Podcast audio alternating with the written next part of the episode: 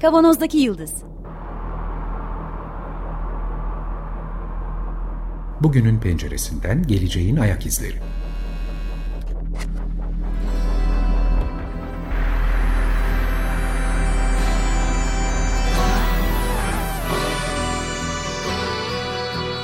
Hazırlayan ve sunanlar İsmail Başöz, Haluk Levent, Mustafa Yılmazer ve Fethiye Erbil. Zorlu Holding Sürdürülebilirlik Platformu Akıllı Hayat 2030, herkes için daha yaşanabilir bir dünya diler. Merhabalar, Açık Radyo'dayız. 95.0 Kavanoz'daki Yıldız programında sizlerle beraberiz yeniden. Geleceğin ayak izlerini sürmeye devam ediyoruz. Mustafa ve ben varız. Merhaba Mustafa. Merhaba. Bugün iki kişi robot konuşacağız. Bu pandemi özel zamanında... bir konusu. Özel konusu birazcık. Pardon, pardon. Girişini bozdum. Estağfurullah. Tam bu pandemi zamanında falan nedir diye. Biraz uzaklaşalım artık pandemiden, online, online hayattan diye. Başka alanlarda da ilginç gelişmeler devam ediyor. Bizim ilgimizi çekenleri biz sizlerle paylaşmaya da devam edeceğiz bu şekilde. Bugün ilginç bir konu tespit ettik. Eksternal robotlar diyorum e, ya da eksternal iskeletler, exoskeleton, e, gerçi bu firmanın da adı ama dışarıdan giyilebilir robotlar. Evet bir sürü isim var bunda. Giyilebilir robotlar diyorlar. Giyilebilir biyonik diyorlar. Harici iskelet diyorlar. Birçok kelime var bununla ilgili. Asistif robotlar diyorlar filan. Birçok şey isimleri var bunların.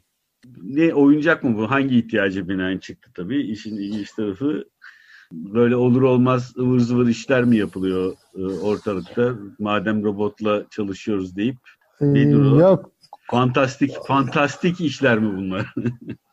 aslında değil. Aslında epey pratiğe geçmiş durumda. Ee, hani normalde filmlerde falan gördüğümüz şeyler vardır. O e, bir robot iskeleti giyip veya bir robot, dev bir robotun içine bir adam girip işte bir sürü kuvvette bu X-Men'de filan süper kuvvetli hatta topuklarından roket motoru yakıtıyla uçabilen filan adamlar da var ama biz onlarda o kadar hayalperest böyle şey değiliz, bilim kurgu tarafında değiliz. Gerçekten de çok önemli bir takım ihtiyacı karşılamak için yapılmış şeyler var, e, makineler var.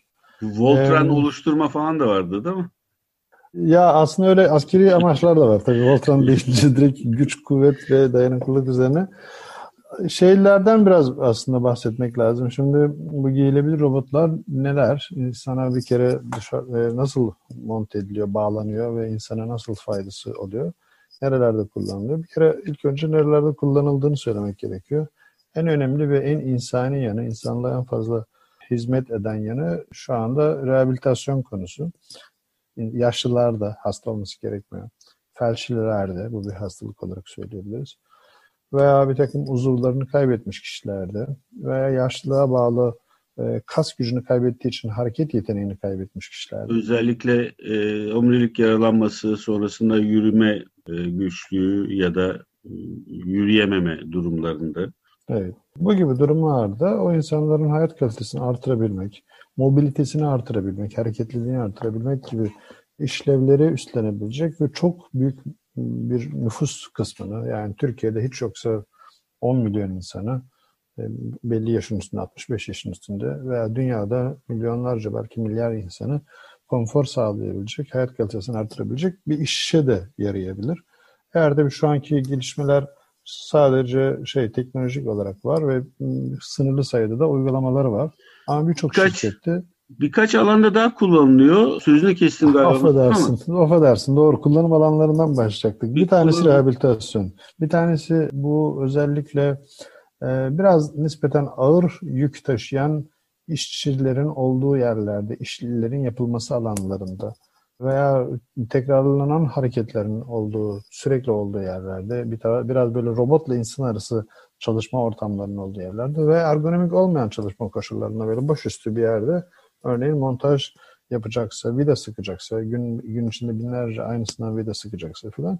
O tür yerlerde de bu şekilde destekleyici, işte vücudu kavrayan, gövdeyi kavrayan, gövdenin üst kısmını kavrayan ve kolların altından destek alan her yaptığı hareketi algılayıp ona aşağıdan birazcık daha itekleyerek o yöne doğru kolların üzerindeki yükleri azaltabilen şeyler, kıyafetler, yelekler var. Bunlar aynı teknolojinin bir parçası.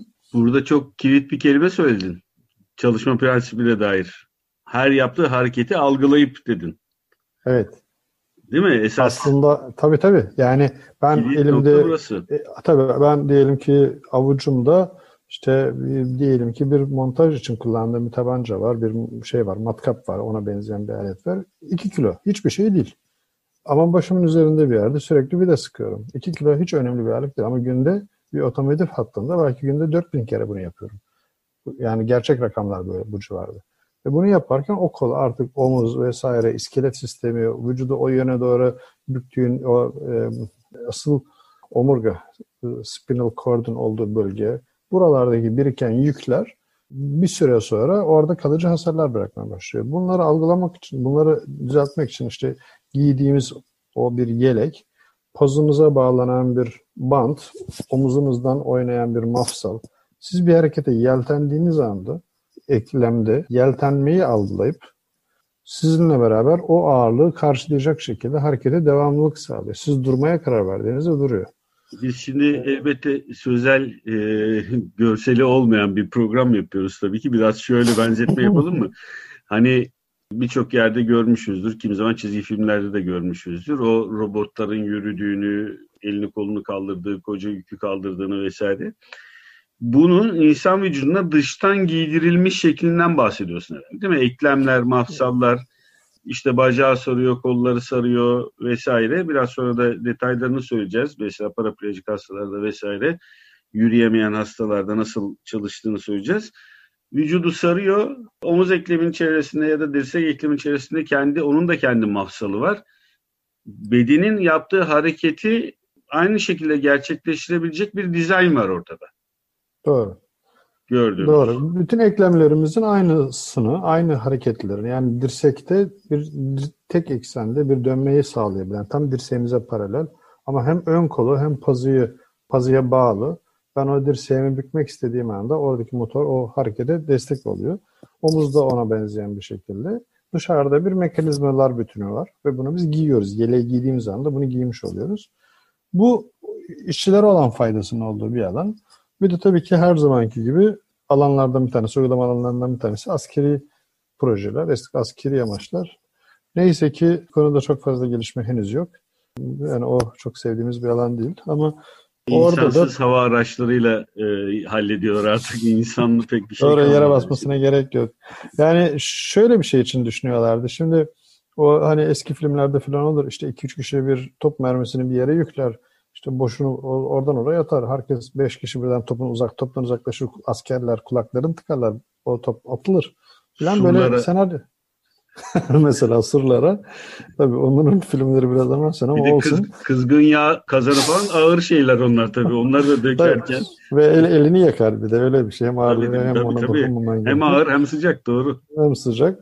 Onları falan yaptırabilecek şekilde böyle insan biyonik bir kıyafet giyiyor dışına ve içeride joysticklerle, joystickmiş gibi veya içeride bir hareket yaptığında dışarıda o koca alet o hareketlerin bir çeşit simülasyonunu yapar gibi birebir mimik olarak tekrar ediyor.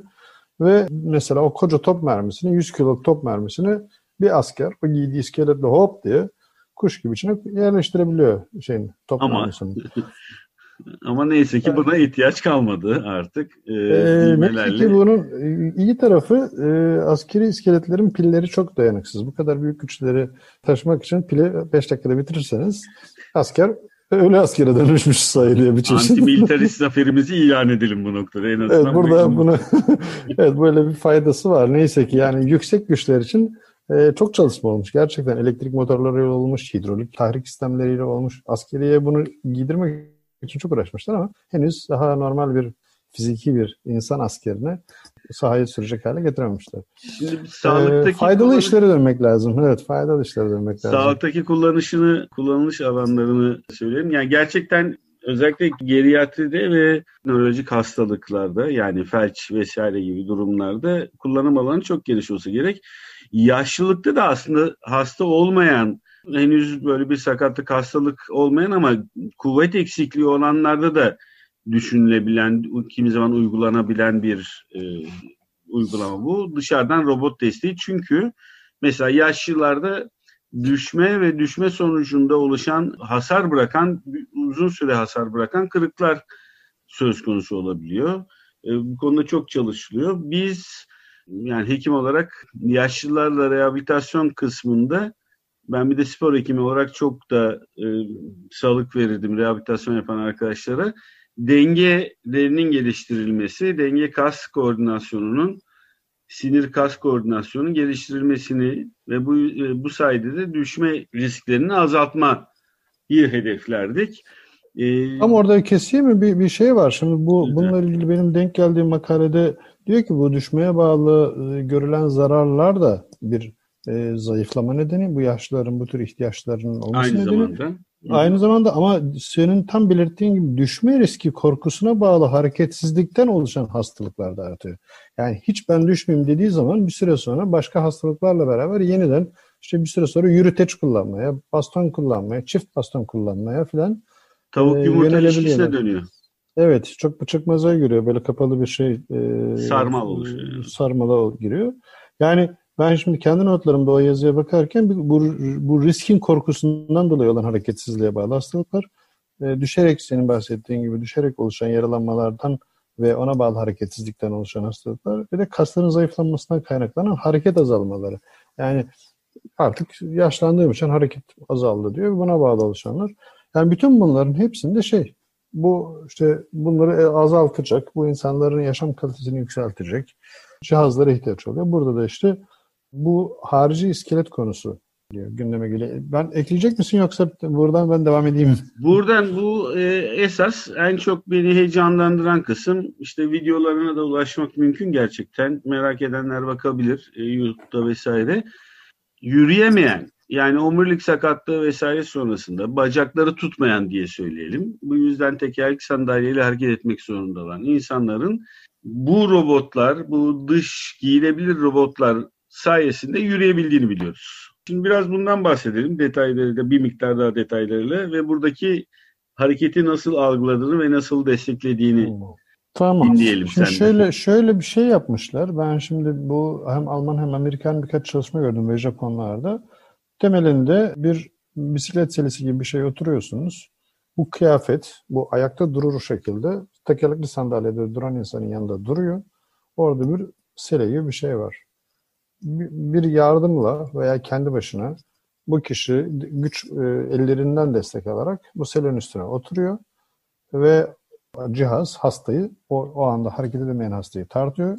Sonra kendisi kayışlarını bağlıyor bacaklarına, diz altına ve ayakları da bir ayakkabısının izinde bir, bir levha var. Onun üzerine basıyor. O andan itibaren sırtında bir akü grubu var.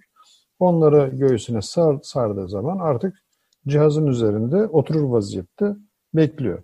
Cihazın üzerinde oturur vaziyette bekledikten sonra harekete geçmesi geçtiği anda cihaz onun hareketlerini, niyetini algılıyor ve onu doğrudan bütün vücut hareketlerini algılayarak onun o hareketi yapması meylini meyline destek oluyor. O öne eğiliyor. Biraz sağ ayağını atacak şekilde vücudun üstünde bir açı veriyor. Biz mesela sağ adımımızı öne atarken aslında vücudumuzun kafası hafifçe sola doğru eğiliyor ve bu aslında sağ ayağı ileriye atmak için açıklık kazanmaya çalışıyoruz biz o anda. Yerden yükseltmeye çalışıyoruz sağ ayağı. O hareketten o da sağ ayağını ileriye doğru taşıyor hastanın. Sonra sol ayağını ileriye doğru taşıyor ve bu şekilde o yürüme, lokomasyon dediğimiz o hareket serisini uygulayabiliyor. Duracağı yerde de aynı şekilde hasta bir miktar geriye doğru gelecek olursa ki bu tekniklerin hepsi özünde bu Ginger dediğimiz tekerlekli bir bisiklet vardı. Bir ara çok modaydı. Hani Josh W. Bush üstünden düşmüştü. ee, e, bu şey hani onun tam adını da bilmiyorum piyasa adını. Bir ara çok moda oldu sonradan kayboldu. Hala havalimanlarında falan var. Yan yana iki tekerlekli bir alet ve onun üzerine gidiyorsunuz. İşte e, o da aslında vücut hareketlerini algılayarak gidiyor, geliyor. Hani gaz fren falan yok onun da üzerinde. Onun Şimdi gibi bir şeyi bu şeye iskelete e, tanımlamışlar. Bu bahsettiğimiz mesela e, vakada diyelim bacak altında hiçbir hareket yok. Gövdedeki hareketleri algılayarak yapmaya çalışıyor. Sırtına bağlı olan e, ana kumanda noktası bütün o gövde hareketini algılayarak bir yandan bacaklarına doğru olan iletişimiyle bacakta bağlı olan e, mafsallı metal rigid parçalarını hareket ettiriyor bir yandan da. Kalçadan da bir miktar e, hareket uyaranı alıyorsa tabii çok daha rahat algılıyordur. Böylece tekerlek sandalyede oturmak ve orada yaşamak zorunda kalan e, birçok insan için ayağa kalkma şansına sahip. 2011 tarihli bir video var mesela. Orada koltuk değneğiyle beraber dengeyi sağlıyor hasta. Elinde de koltuk değneği var aynı zamanda. İşte kalçasından bacağı ettirdiği zaman olması gereken yürüyüş hareketini, yürüyüş paternini gerçekleştiren bir mafsallar e, bütünü var. E, bacağın yan tarafına monte edilmiş. Her iki bacağın yan tarafına. Yani biraz önce senin anlattığın detaylarıyla işte önce bir e, sol bacağı, sonra sağ bacağı normal yürüyüş paternini gel, yaptırıyor e, hastanın vücuduna. E, bir yandan Doğru. da şimdi herhalde bu konuda daha da gelişmeler sağlanıyordur zaman işte içerisinde. o 2001'de başlayan herhalde tekerlekli sandalyeden ilk kalktığı andaki ve bastonla destekli olduğu hali şu anda yürütür vaziyetteler. yani o biraz eski bir videoydu herhalde. Ama şu anda şöyle o tabii ki her hasta kendi vücuduna göre yapılan bu e, mekanizmalar bütünün çünkü herkesin diz mesafeleri, kemik uzunlukları falan farklı kendine göre yapılan, ayarlanan e, o aleti giymeye ilk başladığında zaten hareket edemiyor. Zaten felçli. Yani aşağısı çok da fazla hareket etmiyor. O, o anda zaten bastonla bunların ilk denemelerini yapıyor. İlk fizyoterapi denemelerinde de aslında hani fizyoterapi için asistan olarak da kullanılabilir bir alet. Ve bir süre sonra bu egzersizleri artıra artıra ileri seviyeye gelebiliyorsa eğer bastonsuz, tamamen bastonsuz da kullanabiliyor oluyor. Tabii ki bu her hastanın şeyine göre değişir. E, derecesine, felç derecesine göre değişir. evet, yapabilirlik düzeyine göre değişiyor. Evet, her hasta değişir. aynı değil sonucunda. Evet. Ama çok ileri seviyede yükünü alabiliyor. Bu hayat kalitelerini, konforlarını artırabiliyor. Ve mobilitelerini artırabiliyor. En azından evin içinde işte bir takım işlerini yapabilir hale geliyorlar. Veya eğer ülke şey bir ülke ise, biraz engelli dostu bir ülke ise e, altyapı itibariyle orada yaşamlarını normal sürdürebilecek hale geliyorlar. Şey tabii yani bu bu konulara girdiğimiz anda tabii herkesin gözünün önüne muhtemelen şeyler de geliyor. Şu anda bu e, herkes görmüştür köpek robotlar dans ediyor bir koreografiyle. Deve kuşu robot, köpek robot, insan robot yani iki ayaklı bir e, robot aynı yerde güzel bir müzikle dans ediyorlar çok popülerdi bir ara. Boston Boston Dynamics'in şeyleri, robotları bunlar. Tabii oradaki bilgiyi, birikimi, o robotların ayakta durabilme yeteneklerini, e, koşma, engel atlama, işte alçak sürünme falan gibi böyle askeri terimlerle de biraz süsleyeyim. Marifetleri eğer bu iskelete yükleyecek olursanız yani o iskeletin şu anda bu yok ama hani bana göre 5 sene sonra falan olur. Çok böyle uzak bir tarih de değil bu. Hazır, çünkü hepsi hazır. Bu bilgilerin hepsi şu anda var orada bir yerde. Eğer şu anki iskeletleri falan yapabilir hale iskeletlere o tür zekaları, marifetleri e, ekleyebilirlerse bence projeksiyonlarında vardır bunlar. Bütün bu milyonlarca hastanın hayat kalitesine hizmet edecek, artırabilecek bir donanım olacaktır. Tabi burada sorun bunu kim para ödeyip, ödeyip alabilecek? İşte bunu sigorta şirketleri ne kadar karşılar, devletler bu konularda ne kadar destek olur? Esas büyük şey burası. Zaman içerisinde yine hani belki birçok cihazda olduğu gibi maliyetlerin düşmesiyle paralel beraber ya da ihtiyaca binaen ne kadar yapılacağı, ne kadar üretileceğiyle ilgili olsa gerek. Şimdi o robotlardan bahsederken bundan birkaç yıl önceki programımızda da konuştuğumuzu hatırlıyorum işte takla atıp paralel atıp yeniden bir robotun ayakta durabilmesi ya da merdivenlerden atlaya atlaya bir yerden bir yere gitmesi ve dengesini kaybetmemesi tam düşecekken tekrar toparlanması aslında bizim vücudumuzu tamamen taklit eden organizasyonlar bunlar. E, o robotlar böyle çalışıyor. Yani vücut şeyin o bütünün robot vücudunun bütününün pozisyonunu algılayıp düşe düşe düşe düşe zaman içerisinde dengede kalmayı e, geliştirecek bir organizasyona gidiyor. Yani vücut pozisyonunu algılıyor. Bu pozisyona hani biraz daha anlaşılır olması için su, su terazisi gibi bir şey olduğunu düşünelim içeride.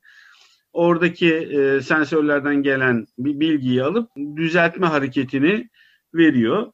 Bu giyilebilir robotlarda da yine bir algılama olayı söz konusu. İşte hafifçe öne eğildiği zaman yürürken yaptığımız hareketteki gibi gövdeyi hafifçe öne eğdiğinde e, bacakların yürüme hareketini tetikliyor.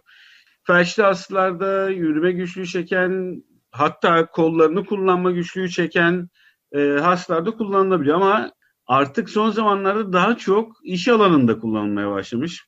Programın başında da biraz örneklerini verdiğim gibi otomotiv sektörü çokça deniyorlar. Gerçekten motor bloğunu alıp oraya koyuyorlar mı? Ne yapıyorlar acaba? Ya aslında şimdi bunların çok pasif olan bu tür e, iyileştirme faaliyetleri yapıldı. Bir otomotivde vardı önceden beri. Örneğin arabaların gövdelerini bir spot kaynağı denen, nokta kaynağı denen bir kaynak makinesi vardır. Bayağı ağırlığı da fazla bir şeydir. Onları önceden havaya yaylı bir mekanizmayla havada bir iskelete basarlardı. İnsan sadece onun ataletini yenerdi. Ağırlık taşımazdı. Onu istediği yere uzatır işte iki eliyle birlikte düğmesine basar. Arabanın gövdesini kaynak yapardı örneğin. Şimdi bu ama kocaman bir uzun kollu bir mekanizmanın itilmesi, kakılması sürekli bir kuvvet gerektiriyor. İlla dikey olması gerekmiyor, ağırlığını taşımak gerekmiyor. Yatay olarak da ataletini yenmek için çok uğraşıyorlardı. Şimdi mesela böyle bir şeyi bu robotik kolla bağladıkları zaman bunu yatay olarak itmek istediğinde ben bir video gördüm burada bir vücuda bağladıkları zaman diyorsunuz. Hayır bu sefer bu sefer vücuda bağlı değil yerde bir yerde mesela bu ağır mekanizma bir robotik bir kolun ucunda duruyor. Aslında bu başka bir uygulamadan ama korobot, kobot denen kolaboratif robot denen, işbirlikçi robot denen bir robot tipi var. Gene bu konunun bir parçası olarak çalışıyor. Ee, bu sefer bu ağır mekanizma bu kolun ucunda asılı duruyor işçi bu aleti alıp ileriye itmek için bir kuvvet yüklediği anda, uyguladığı anda bunu algılıyor ve hemen bu kuvveti sıfırlayacak şekilde kaçmaya başlıyor. Dolayısıyla o ağırlığı kendisi taşır hale geliyor. Yani e, tepki kuvvetinin oluşmamasını sağlayacak şekilde tam fiziksel karşılığı bu. Hangi vektörde kuvvet uygularsak uygulayalım doğrultuda onun karşılığını sıfırlayacak şekilde o yöne doğru o ağırlığı taşıyor. Yani o ağırlığı sıfırlamaya çalışıyor bir şekilde. Bir şöyle bir şey ekleyeyim. Bir robot vardı tamamen insan insandan bağımsız çalışıyordu. Ona verilen programı gerçekleştiriyordu. Bir evet. e, insan vardı robottan ayrı bütün kendi kuvvetiyle ne kadar yapabiliyorsa bildiğini gerçekleştiriyordu. Şimdi bir arada bir e, bir, bir işbirliği gerçekleşiyor. Yani e, robotu giyerek evet. insanın gücünü artıran işte yapabilirliğini artıran sadece güç olarak ağırlık kaldırma gücünü değil biraz önce senin de söylediğin gibi ergonomik olmayan koşullarda da çalışmasına yardımcı olabilecek. Tavanda çalışabilmek için kolunu e, alttan destekleyebilecek e, bir robotlar. Yani birbiriyle bağıntılı çalışan bir organizasyondan bahsediyoruz. Bir organizma diyecektim neredeyse ama toplamda evet. bir organizma işte, haline geldi. Evet işte biyonik diyorlar o yüzden buna. Yani bu e, insan makina veya organiz organik artı makina bir sistem, bir sibernetik bir düzenek gibi bir, bir şey. Yani bir şey değil. Tek yani insanın içine takılmış bir makineden bahsetmiyoruz. Tabii ki harici bir şey ama bu ikisi birlikte gördüğümüzde işte bir tarafta et kemik, bir tarafta bir makine aynı anda aynı iş için çalışıyorlar. İş bittiği zaman da ee, yeleği çıkarır gibi tam çıkarıyor. Tam tarif ettiğim gibi. Evet. O şarja koyuyor. evet. yani çıkartıp şarj etmesi gerekiyor. Şöyle şeyler de var. Şimdi çalışanların bu tür yaralanmalara maruz kalmaması için aslında zaten birçok yerde sendikalar üzerinden zaten bu tür hakların savunuları yapılıyor. İnsanların tabii ki hiçbir zarar görmemesi lazım. Bazı tedbirler alınıyor. Eğer hiç denk gelmişse bazı otomotiv fabrikalarında otomobil montaj hattında böyle yan dönmüştür. Bir çemberin içinde durur. Koca bir çemberin içinde durur araba. Araba böyle yan dönmüştür. Altını ya şeye doğru arabanın altı duvar gibi önünüzde durur. İşçinin önünde durur. Araba işçi orada montaj yapar. Neden? Arabanın çünkü düz giden bir arabada eğer araba dönmeseydi altına girip yukarıya doğru bir montaj yapmanız gerekiyor. Altına bir iş yapacaksınız ama bu e, ergonomiyi sağlayabilmek için bazı gelişmiş fabrikalar, işletmelerde arabayı böyle olduğu yerde işin önüne geldiğinde yan çevirip altını işçinin gözünün önüne, göz hizasına, omuz hizasına getirip montaj yapmasını sağlıyorlar. Bu tür yaralanmalar olmaması için. Yani teknolojiyi zaten zorluyorlardı. Şimdi bunun alternatif olarak yine de dönemeyeceği yerler varsa aracın ya da böyle bir altyapı yoksa bu tesiste bir otobüsse bu örneğin. Çünkü hani bunu döndürememek çok zor olabilir veya bir kamyon tır. O zaman mesela böyle zamanlarda e, baş üstündeki yerde bir çalışma yapmak gerektiğinde işte bu şekilde asistan bir kıyafetle bir yelek. Benim onu işte e, yanındaki kollara kendi pazumu ve ön kolumu bağladığımda birçok hareketimi karşılayan o ağır bir tabanca taşıyorsam montaj tabancası yani silah değil bu taşıyorsam onu ağırlığını taşıyabilen ben böyle sadece boşuna hiç şeysiz yüksüz hareket ediyormuşum gibi sadece belki kendi kolumu bile kaldırmaya enerji harcamıyor olacağım. Onları yaptırtan bir mekanizmalar bütünü. Bu haftalık bu kadar. evet bu haftalık bu kadar. Süremizi de doldurduk zaten. Başlığımız giyilebilir robot, giyilebilir biyonik e, gibi konularda bir şey yok. Çok disiplinli bir konu. Çok fazla alandan bu konuya yaklaşmak mümkün. O yüzden tek bir isim bulunamıyor henüz hala. Umuyoruz evet. çok gerek olmaz böyle şeyler ama gerektiğinde de hazır olması hepimizin hayatını kolaylaştıracak. Evet. Peki ee, Mustafa ile beraber ben İsmail bugün giyilebilir robotları konuştuk. Bu haftalık programımızın sonuna geldik. Bu programın size ulaşmasını sağlayan bütün Açık Radyo çalışanı arkadaşlarımıza içten teşekkürlerimizi ediyoruz. Program destekçimize teşekkür ediyoruz. Önümüzdeki hafta görüşmek üzere. Ee, hoşçakalın. Hoşçakalın.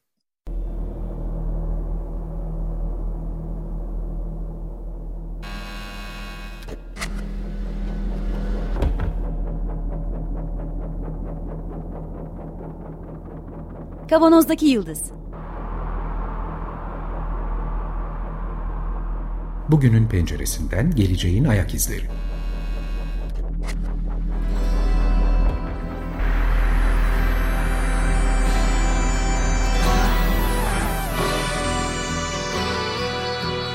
Hazırlayan ve sunanlar İsmail Başöz, Haluk Levent, Mustafa Yılmazer ve Fethiye Erbil.